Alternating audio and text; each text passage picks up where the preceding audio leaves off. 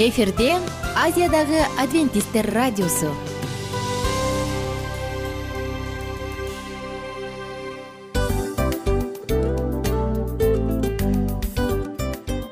Достор салют. Баардык сүйүктүү угармандарыбызга салам айтабыз. Кутман күнүңүздөр менен. Ден соолук өмүрдүн булагы демекчи саламат саамы программасында баарыңыздарды көргөнүбүзгө абдан кубанычтабыз. Анда алгач амандашып өтөлү арбаңыздар деп. Ден соолугуңуздар кандай элибизде көбүнчө ден соолук кандай дегенде эле жакшы деп жооп беребиз э? ооруп турсак дагы жакшы дейбиз анан мен муну айтып ойлойт элем бул абдан сонун сөз депчи анткени бул жакшы деген үмүт да э баары жакшы болот. Баары сонун. Деп үмүттөнүп атып эле өзүбүздү өзүбүз дарылап коебуз. Анысы кандай? Сиздин дагы ден соолугуңуз жакшы беш деген үмүттөбүз чындыгында ден соолук бул өмүрдүн булагы деп бекеринен айтылган эмес деп ойлойм. Кыргыз элинде анткени эгерде ден соолук жок болсо анда адамдын жашоосунда калган баардык керектүү маңыздуу нерселер өзүнүн баалуулугун жоготуп коет. Ошондуктан ден соолук бул эң керектүү нерсе. Ооба туура айтасың кесиптешим. Чынында ден соолугуң жок бир эки үч күн ооруп калсаң эле э кандай болуп калат? Жашоодо көз каранды болуп каласың көп нерсеге жетишпей каласың көп нерсени кыла албай каласың жада калса эшикке дүкөнгө да чыга албай каласың. Туптуура анан ден соолук болсо демек биз биздин бактыбыз тоодой деп койсок болот. Анда достор саламат саамы рубрикабызды баштайлы. Алдыда өзүңүзгө керектүү болгон сонун кеңештерди уга аласыздар. Мына ошондуктан биз менен бирге болуңуздар. Ал эми биз болсо милан жана айнура. Кеттик алга. Алга саламат саама ден соолуктун жарчысы. Саламат саама ден соолуктун ачкычы. Күн сайын сиз үчүн мыкты кеңештер сонун жаңылыктар кызыктуу фактылар биздин рубрикада.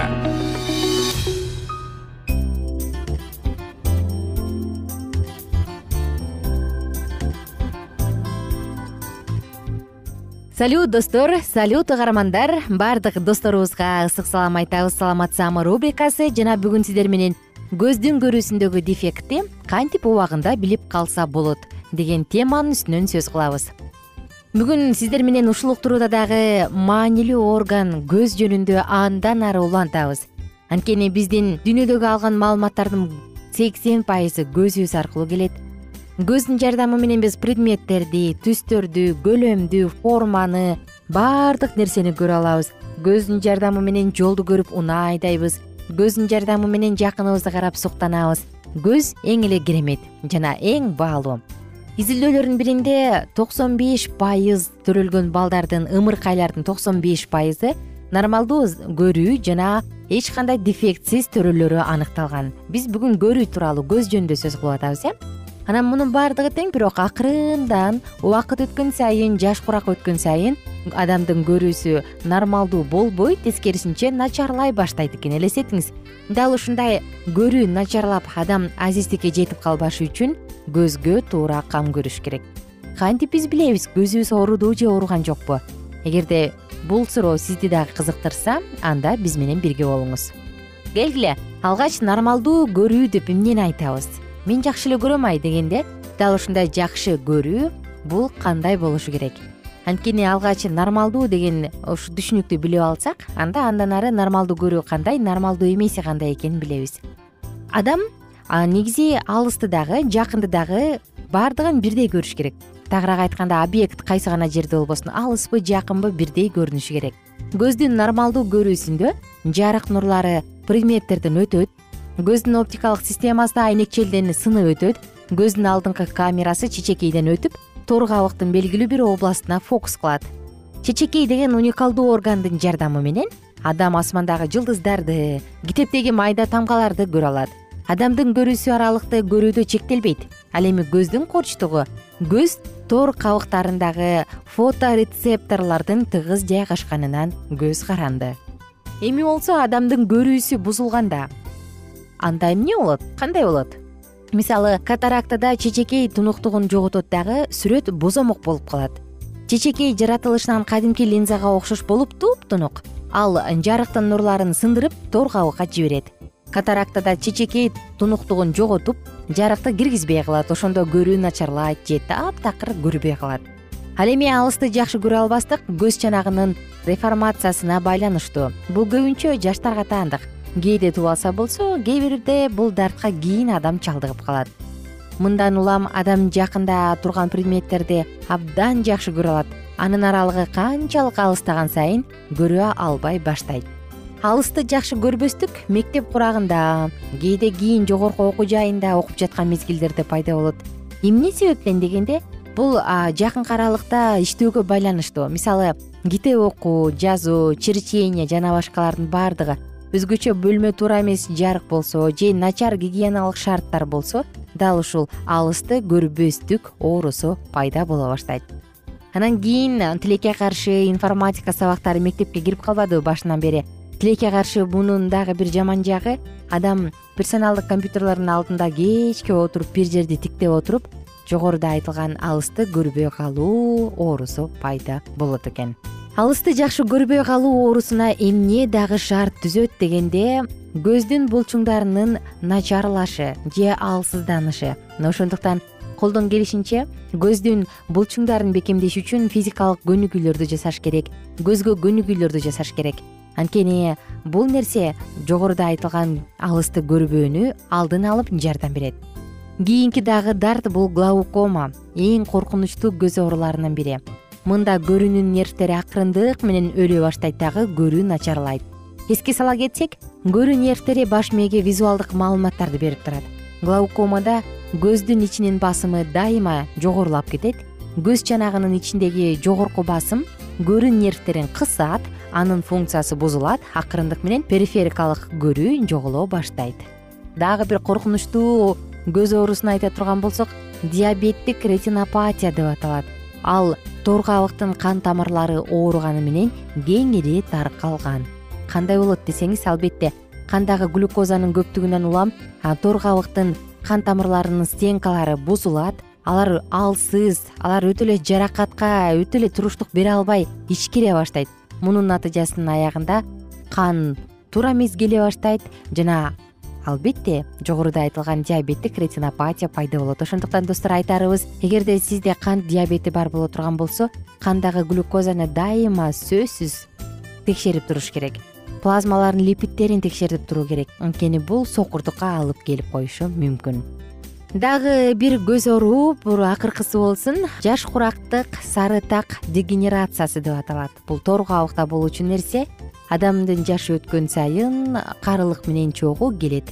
Эгерде албетте жаш курагынан бери көрүүсүн жакшы кам көрө турган болсо бул нерседен качып кутулууга мүмкүн достор жогорудан бери бир нече уктуруулардан бери биз көз көз көз көрүү деп келе жатабыз көздүн структурасын түзүлүшүн анатомиясын көзгө коркунуч туудурган нерсенин баардыгын коргоону айттык.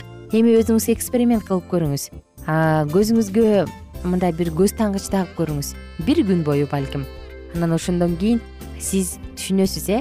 Адамдын көрүүсү канчалык маанилүү экенин же болбосо он мүнөт көзүңүздү жумуп капкараңгы жерге жумуп алып басып көрүңүз. Ошондо адамга көрүү канчалык керек экенин билебиз. Достор сиздин көздөр эң сонун сиздин көзүңүз эң мыкты. Сенин көзүң соо көз эмес соо көз минтип карабайт деп бир сонун ыр бар эмеспи анысы кандай? Сиздин көзүңүз эң сонун ушул көрүүңүздү жараткан берген эң сонун белегиңизди колдонуңуз андан ырахат алыңыз жана аны сактаңыз жалпы угармандарыбыз менен убактылуу гана коштошом. Кийинки алдыдагы уктуруулардан кайрадан баардыгыңыздар менен амандашабыз. Ошондуктан биз менен бирге болуңуздар. Күнүңүздөр көңүлдүү улансын. Көрүңүз көрүүдөн ырахат алыңыз. Көрүп жакындарыңызды кубандырыңыз. Айтор бул нерсе сизге жакшылык үчүн кызмат кылып берсин саламат саама ден соолуктун жарчысы. Саламат саама ден соолуктун ачкычы. Күн сайын сиз үчүн мыкты кеңештер сонун жаңылыктар кызыктуу фактылар биздин рубрикада. Салют замандаштар баарыңыздарга ысык салам. Дил маек программабызга кош келиңиздер. Дил маек рубрикасы дегенде эле бул эмне болгон дил маек ким менен маектешебиз деп сурайт болуш керек угармандарыбыз бул рубриканы кыскача тааныштыра кете турган болсок ар тарап кесип ээлеринен болгон сонун интервью кеңештер бар. Ооба. Жылдыздар менен болгон маек бар. Аталарыбыздын агаларыбыздын чоң аталарыбыздан сонун кеңештер бар. Ошондой эле эже сиңдилердин кеңештери бар айтор. Баардык кызыктардын баары алдыда. Негизи эле адам баласы бир кимдир бирөөнө ишенип сырын ачкысы келет эмеспи э мындай баарлашууга жакын келебиз го. Албетте. Негизи бир жерге отуруп алып кенен шашпай баягы жүрөктөн жүрөккө ачып сырларыбызды ар кандай көйгөйлөрүбүз менен бөлүшүп баягы чын жүрөктөн маек курганды кимибиз сүйбөйбүз э? Ооба десең ал нерсеге суусап да келебиз да? Ооба кээ бирде адамга чындыгында баягы э, ысык маек баягы жылуу маек жетишпейт да. Ошондуктан биз ушул рубриканы ойлоп тапканыбызда эң биринчи эле достор сиздер менен чын жүрөктөн бир маңыздуу темаларды козгоп кеткени э, кааладык. Ошондуктан ушундай сонун бир рубриканы тартуулап жатабыз. Анын үстүнө радио дагы сонун дос да анткени э, мындай учурда досуңа айтсаң досуң досуна айтат досу досуна айтат да анан бүт өлкө билип калышы мүмкүн го. А радио болсо сени сатпаган сенин айыбыңды ачпаган. Сенин сырыңды эч кимге айтпаган сонун доссуң ошондуктан биздин алдыдагы айта турган кеңештерибизди биздин досторубуздун кеңештерин угуп анан ал жака пикириңизди дагы калтырып кайрадан биз менен байланышсаңыздар болот. Деги эле жашооңузга эгерде кичине болсо дагы өзгөрүү алып моралдык жактан нравовалык жактан сонун бир кеңештерди алсаңыз демек биз максатыбызга жеттик. Ооба. Чыңгыз атабыз улуу жазуучу э, чыңгыз айтматов айткандай адам болуу бул күнүмдүк процесс экен. Күн сайын адам бойдон калуу бул адамзатка эң эле кыйын дейт э? э эң кыйын дейт. Чындыгында бунун э, негизинде адамдын эң баягы сапаттуулугу адамдын э, адамгерчилиги жана көптөгөн керектүү нерселер. Мына ошол темалар дагы бизде ушул дил маекте биз аларды да козгойбуз ден соолук жөнүндө да сүйлөшөбүз сөзсүз түрдө. Анан милан мырза негизи айтып коюшат го. Биз көбүнчө эмнени ойлонсок ошол нерсеге карата иш кылабыз го. Ооба. Анан анысы кандай? Балким бул радио баракчада кимдир бирөөнүн оюн текшергенге жардам берет кимдир бирөөнүн жүрөгүн текшергенге жардам берет. Балким кимдир бирөөгө жашоонун маңызын тапканга жардам берер. Айтор кызыктын баары алдыда бул жөн гана кыскача жарнама анда угармандарыбыздын баардыгын кийинки рубрикабызга чакырабыз. Ал эми кызматта маңдайымда отурган кесиптешим милан жана мен айнура. Анда эмесе биз даярдаган терең терең ойлор менен таанышууга кеттик. Алыс алыс баралык. Анда эмесе достор биз менен бирге болуңуздар. Алдыда эң кызыктуу маалыматтардын баардыгы бир нече мүнөттөр бою жалгыз гана сизге арналат мына ошондуктан жакшы маанай менен угууну каалайбыз. Үн алышканча. Жөнөдүк. Ар түрдүү ардактуу кесип ээлеринен алтын сөздөр жүрөк ачышкан сыр чачышкан сонун маек дил маек рубрикасында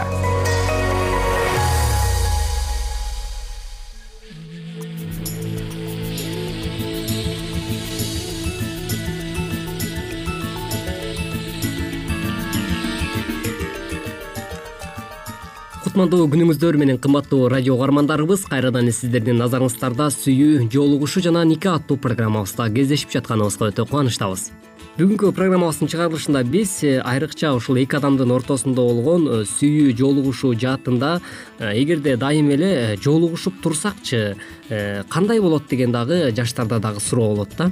Ушул суроонун айланасында бүгүн биз программабызда талкуу жүргүзмөкчүбүз. Андыктан биздин одон алыстабай дал ушул мүнөттөрдө биз менен биргеликте кала бериңиздер.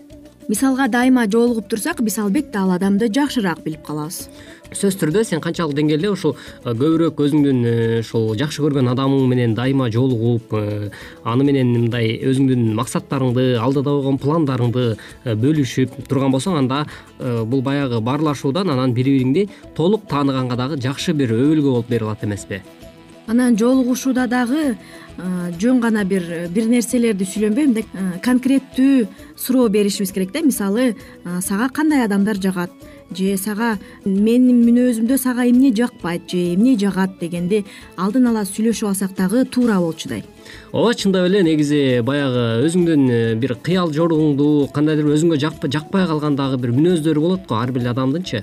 Ошол нерсени дагы мисалы менин ушундай бир э, э, алсыздык жактарым бар. Ушул нерселер кийин мүмкүн болочокто балким эгер сен турмуш куруу жаатында максатта ушундай максатта сен жолугушуп сүйлөшүп пикир алышып жаткан болсоң анда өзүңдүн ошол сүйүктүүңө дагы ушул өзүңдүн баягы алсыздык жактарыңды дагы айта билишиң керек экен да. Баягы жашырып жаап эле Э, өзүңдүн жакшы гана жактарыңды көрсөтө бербестен тескерисинче жаман жактарыңды дагы. Мисалы мен бул нерседе алсызмын. Ошол эле мисалы көбүнчө эркектерге мүнөздүү нерсе го баягы. Эгерде сен чылымга жакын болсоң тамеки чексең дегендей же болбосо ичкилик ичип койсоң мен ушул нерсени э, кээде ушундай кылып коем.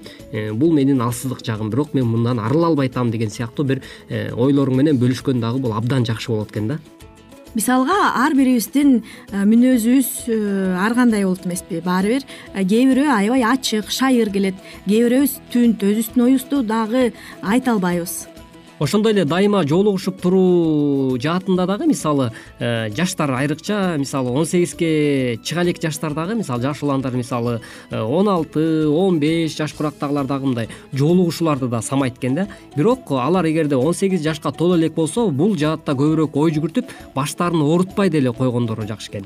Анда эмесе дагы ушу биз жогоруда айтып өтпөдүкпү программабыздын башталышындачы.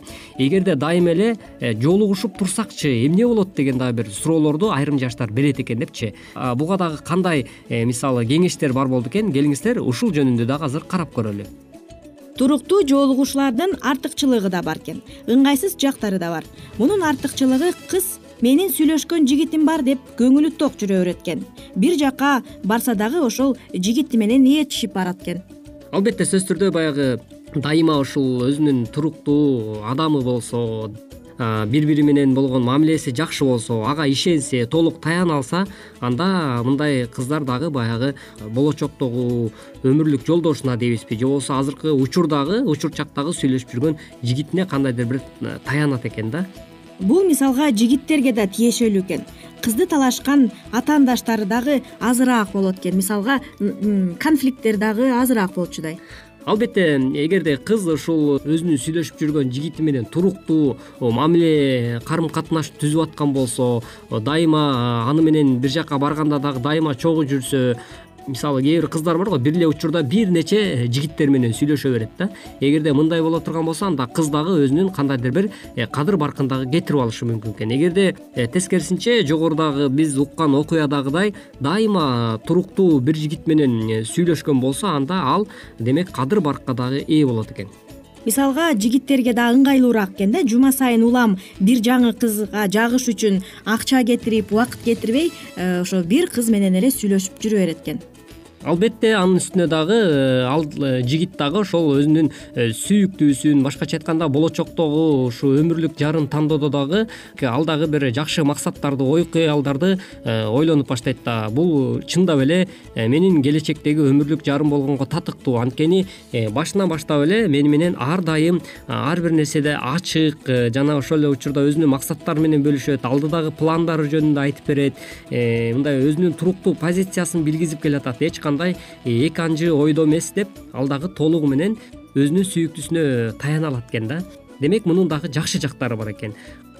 Ушундай артыкчылыктары менен бирге анын кемчиликтери дагы бар экен. Мисалы э, бир тыйындын эки жагы бар демекчи. Мисалга э, бир кыз менен көпкө чейин сүйлөшүп жүрсөң дагы чектен ашып чыгып кетишиң дагы ыктымал экен да албетте мисалы көп убакыт сүйлөшүп жүрүп деле бирок кандайдыр бир э, буга чейинки программабызда биз бөлүшүп өткөндөй эле эгерде э, ушул никеге чейин кандайдыр бир жыныстык э, катнашты көздөп эле аны менен денелик жактан жакындыкта болсом деген бир максатты көздөп жүргөн болсоң анда мунун албетте олуттуу жана опурталдуу ушунчалык жаман жагы да бар. Мисалы ошол эле жыныстык байланышта ошол кыз менен болууну каалап эле жүргөн болсоң анда бул чыныгы сүйүүгө алып барбайт деп дагы биз айта алабыз да. Себеп дегенде буга чейинки программаларыбызда дагы биз ушул туурасында бир нече жолу айтып өттүк эле. Баары бир бул кыз мени менен э, калат деп аны өтө деле сыйлабай калышы дагы мүмкүн экен балдар. Э, андыктан э, урматтуу жаштар жана ошондой эле сүйүктүү угармандарыбыз айрыкча ошо кыздарга дагы кайрылып кетким келип атат. Негизи эле баягы кыз жигит болуп бири бириңер менен ушу жолугушуу кечелерин уюштуруп кандайдыр бир жолугушууларда жүргөндө э, демек э, ар бир ушу кыз тараптагы бала тараптагы өзүнүн ордун э, билиш керек экен да. Эгерде өзүнүн ордун билбестен жогоруда кесиптешим өзүң айтып өткөндөй эле чектен чыгып ушу жолугушуулардын сапары уланып отуруп жогоруда айтып өткөндөй эле жыныстык байланышка багытталган бир кызыкчылык болсо анда мунун акыры өкүнүчтүү окуя менен дагы аяктап калышы мүмкүн экен албетте жана жаштык кезинде сен башка адамдарды таанып билүүгө умтулушуң керек экен. Көп адамдар менен жолугушканда сага кандай адамдар жага турганын кандай адамдар жакпай турганын айырмалап биле баштайсың.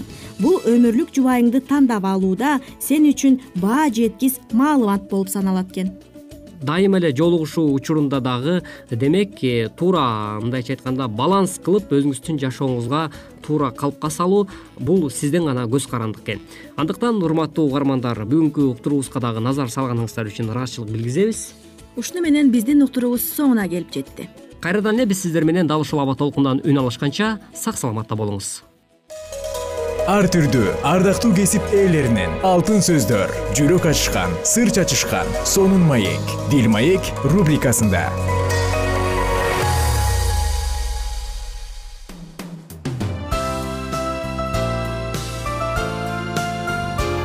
Эфирде азиядагы адвентисттер радиосу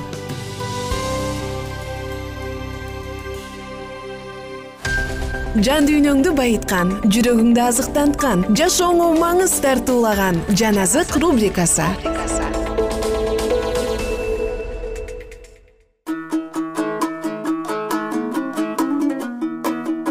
Саламатсыздарбы айымдар жана мырзалар. Жалпы кыргыз элибизге ысык салам айтабыз жана жан азык радио баракчасында улуу күрөш китебин андан ары окууну улантабыз. Качан гана америка кошмо штаттарынын жыйындары мамлекеттик бийликти колдонууга же башкарууга мүмкүнчүлүк алышканда жана мыйзамдын күчү менен диний жоболорду киргизсе бир сөз менен айтканда жыйын менен мамлекет абийирдин үстүнөн бийлик жүргүзүүгө мүмкүнчүлүк алганда бул мамлекетте римге жеңиш алынып берилет. Кудай сөзү келе жаткан коркунуч жөнүндө эскертет. Жана эгерде протестант жыйындары бул эскертүүлөргө көңүл бурбай турган болушса анда жакын убакыттын аралыгында римдик чиркөөнүн чыныгы оюн түшүнө алышат. Бирок анда кеч болорун билиши зарыл. Католик чиркөөсү билинбестик менен күч алып жатат. Анын бийлиги мыйзам берүүчү жерлерде жыйындарда жана адамдардын жүрөктөрүндө билинүүдө. Баштагы кандуу тарыхтын кайталануусу боло турган өтө чатышкан бийик жана өтө чоң имараттар тургузулуп жатат. Эч кандай шек калтырбастан католик чиркөөсү өз позициясын бекемдөөдө жана күрөштүн чечүүчү мезгили келгенде өзүнүн акыркы соккусун берүүгө даяр. Ага бардык керектүү болуп саналган нерсе бул пайда келтире турган позиция жана аны ал азыр эле ээлеп алган деп айтууга дагы болот. Биз жакында римдик католик чиркөөсүнүн чыныгы максаты жана негизи эмнеде экендигин түшүнө алабыз. Кудай сөзүнө ишенгендерди жана ага баш ийгендерди каартуу шылдыңдар жана куугундуктар күтөт. Отуз алтынчы бап. Боло турган күрөш улуу күрөштүн башталышында эле асманда шайтандын максаты кудайдын мыйзамын жок кылуу болуп саналган. Жана ушул максаты менен ал өз жаратуучусуна каршы чыккан жана ошонун айынан асмандан куулуп ошол күрөшүүсүн жерде дагы улантып келет. Анын көөшүргөн максатынын негизи адамдарды азгыруу жана аларды кудайдын мыйзамдарын бузууга мажбурлоо. Бул бардык мыйзамды бузууга жетишеби же бир эле мыйзамды бузабы алардын жыйынтыгы бир бир эле нерседе күнөө кетире турган болсо бардык мыйзамга маани бербегендик болуп эсептелет. Ал өзүнүн таасири жана үлгүсү менен мыйзамсыздыкты жактап жатат жана бардыгына күнөөлүү болуп калат. Жакып китебинде жазылган экинчи бап онунчу аятта. Кудайдын жазууларына көрө албастыктын көлөкөсүн таштоону каалап шайтан бардык ыйык жазуунун окутууларын бурмалады. Жана жыйынтыгында миңдеген ыйык жазууга ишенген адамдар адашуунун бийлигинин алдында калышкан чындык менен жалгандыктын ортосундагы болуп жаткан акыркы кармаш бул кылымдарды карыткан күрөштүн акыркы бөлүгү. Бул адамдардын чыгарган мыйзамдары менен кудайдын жазмаларынын ыйык жазуудагы чыныгы дин менен аталарын жана ойлоп тапкан диндердин ортосунда болуп жаткан күрөш. Чындыкка жана адилеттикке каршы күрөштө биригип жатышкан күчтөр азыркы учурда чечкиндүү аракеттенип жатышат. Биз үчүн өзүнө өзү жогору баа менен азап тартуу жана төгүлгөн кан менен жол салган кудай сөзү канчалыктуу барк алынбай жатат. Мукадас баарына жеткиликтүү болуп калды. Бирок кээ бир адамдар гана аны өмүрдүн жетекчиси катары чын ниетинен кабыл алышкан. Ишенбестик үрөйдү учураарлык деңгээлде дүйнөгө эле эмес бирок жыйындарга дагы таратылып кеткен. Машаяк жолун жолдогон адамдардын ишениминин негизи болгон окутуулардан көпчүлүгү баш тартууга чейин барып жатышат жандандырылган калемсап менен жазылган жердин жаралышы адамдардын күнөөгө батышы элдешүү кудай мыйзамынын бузулгустугу иш жүзүндө ушунун бардыгынан толук болбосо дагы бөлүк бөлүгү менен көп машаяк жолун жолдогон адамдар аркылуу баш тартылып жатат. Миңдеген адамдар өздөрүнүн акылына жана эркине мактануусу менен мукадаска тынбастан ишенүүнү кемсинтилүү катары эсептешет мукадасты жана анын маанилүү чындыктарын сындоо жана аны аллегориялык жол менен талкуулоо алар аркылуу зээндүүлүктү жана сөздү терең билгендик катары далилденип бааланат. Көптөгөн дин кызматчылар окумуштуулар жана мугалимдер кудайдын мыйзамы өтүп кеткен жана анын бузулбастыгына али ишенүүнү улантып жатышкан адамдар кандай шоордуу жана күлкүгө гана татыктуу адамдар деп эсептешет. Чындыктан баш тартуу менен адамдар анын башатынан баш тартышууда өз буттары менен кудайдын мыйзамдарын тебелешип алар мыйзам берүүчүнүн авторитетин талкалап жатышат. Жалган окутуулар жана теориялар менен жасалма кудайларды жасоо аны таштан же жыгачтан жасаган сыяктуу эле оңой нерсе. Кудайдын сапаттарын жалган кылып көргөзүү менен шайтан адамдарга ал жөнүндө тетири түшүнүк берүүгө аракеттенет. Көпчүлүк адамдар кудайды алып ташташып философияны өздөрүнүн жактаган нерсеси кылып алышкан жана анча мынча гана адамдар тирүү кудайга ал өз сөзүндө ыйса машаякта жана жаратылыш иштеринде кандай ачылса ошондой ишенишет. Миңдеген адамдар жаратылышты кудай кылып алышкан жана ошол эле мезгилде жараткандан баш тартышат. Ар кандай эрежелер менен болсо дагы азыркы машаяк жолун жолдогон адамдарда илья пайгамбардын мезгилинде израиль элинде кеңири таратылган сыяктуу жасалма кудайларга табынуу кеңири таратылып кетти. Менменсинген акылдуу адамдардын философтордун саясатчылардын журналисттердин колледждердин университеттердин кээ бир диний уюмдардын кудайы финикиялык күн кудайы ваалдан кичине гана артыгыраак. Христиан дүйнөсү аркылуу кабыл алынган адашуулардын бири дагы асмандын авторитетине орой айтылбайт. Акылдын таламдарына дагы карама каршы келтирилбейт. Адамдарга эми кудайдын мыйзамынын анчалыктуу деле мааниси жок деген гана окутуу менен өз күчүн жандандырып келет. Ар бир өлкөнүн өз мыйзамдары бар жана анын ар бир тургуну аларды аткарып жана сыйлоого милдеттүү. Бир дагы мамлекет мыйзамсыз өлкө боло албайт. Эми асман менен жердин жаратуучусунун өзү жараткан нерселерин башкаруу үчүн мыйзамы жок дегенди элестетип көрөлү көрүнүктүү кызматчылардын бири бардык адамдардын алдында угуза мамлекетти рээтке келтирген жана анын тургундарынын укугун сактаган мыйзамдардын кереги деле жок. Алар адам эркиндигин чегерип жатат. Жана ошондуктан аларды аткаруунун деле мааниси жок деп айтты деп коелу. Кандай дейсиңер? Мындай адам кафедрага көпкө чейин тура алабы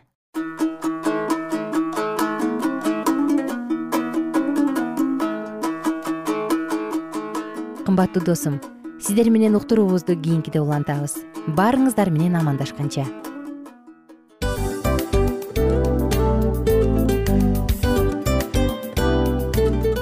Мына ушинтип убакыт дагы тез өтүп кетет экен биз дагы радио уктуруубуздун аягына келип жеттик. Келип кубандырдыңар эми кетип кубандыргыла деп тамашалап калышат эмеспи анысы кандай? Радио баракчабызды программабызды азыр эле баштап аткандай болдук элек мына соңуна келдик э? Негизи убакыт э, билинбей өтүп кетет экен? Мен дагы убакыт дегенде бүгүн бир адам менен сүйлөшүп калдым. Анан убакыт бул мүмкүнчүлүк деп айтып өзүмө өзүм айтып алып анан мага өзүмө эле кайра ачылыш болду да чын эле карап отурсаң ошол эле жыйырма төрт саат ошол эле жарым саат кайталанып атат. Бирок сендеги мүмкүнчүлүк жок ошол кой берилип кетти? Анысы кандай? Бүгүнкү сонун убактыңызды алтындай болгон жарым саатыңызды бизге бөлүп арнаганыңыз үчүн ыраазычылык айтабыз. Анан жашооңуздун кайсы бир сферасын өзгөртө турган сонун пайдалуу кеңеш алган болсоңуз анда биз максатыбызга жеттик. Анан ушул нерсени кылбасам десеңиз ошол өзгөрүүлөрдү кичинекей кадамдардан баштап иш жүзүнө ашырыңыз дагы жашооңузда чоң чоң ийгиликтерге жетиңиздер чын жүрөктөн ар бир берилген кеңештер сөздөр сиздерге пайдасын алып келет деп ишенебиз. Жана кийинки уктурууларда сөзсүз түрдө чыдамсыздык менен сиздерди күтөбүз. Сагынычтуу салам айтып кайрадан дал ушул жыштыктан баардыгыңыздарды тосуп алганча. Кызматта мен айнура жана кесиптешим милан. Анда кол булгалайбыз жалпыңыздарга ийгиликтүү күн. Саламатта калыңыздар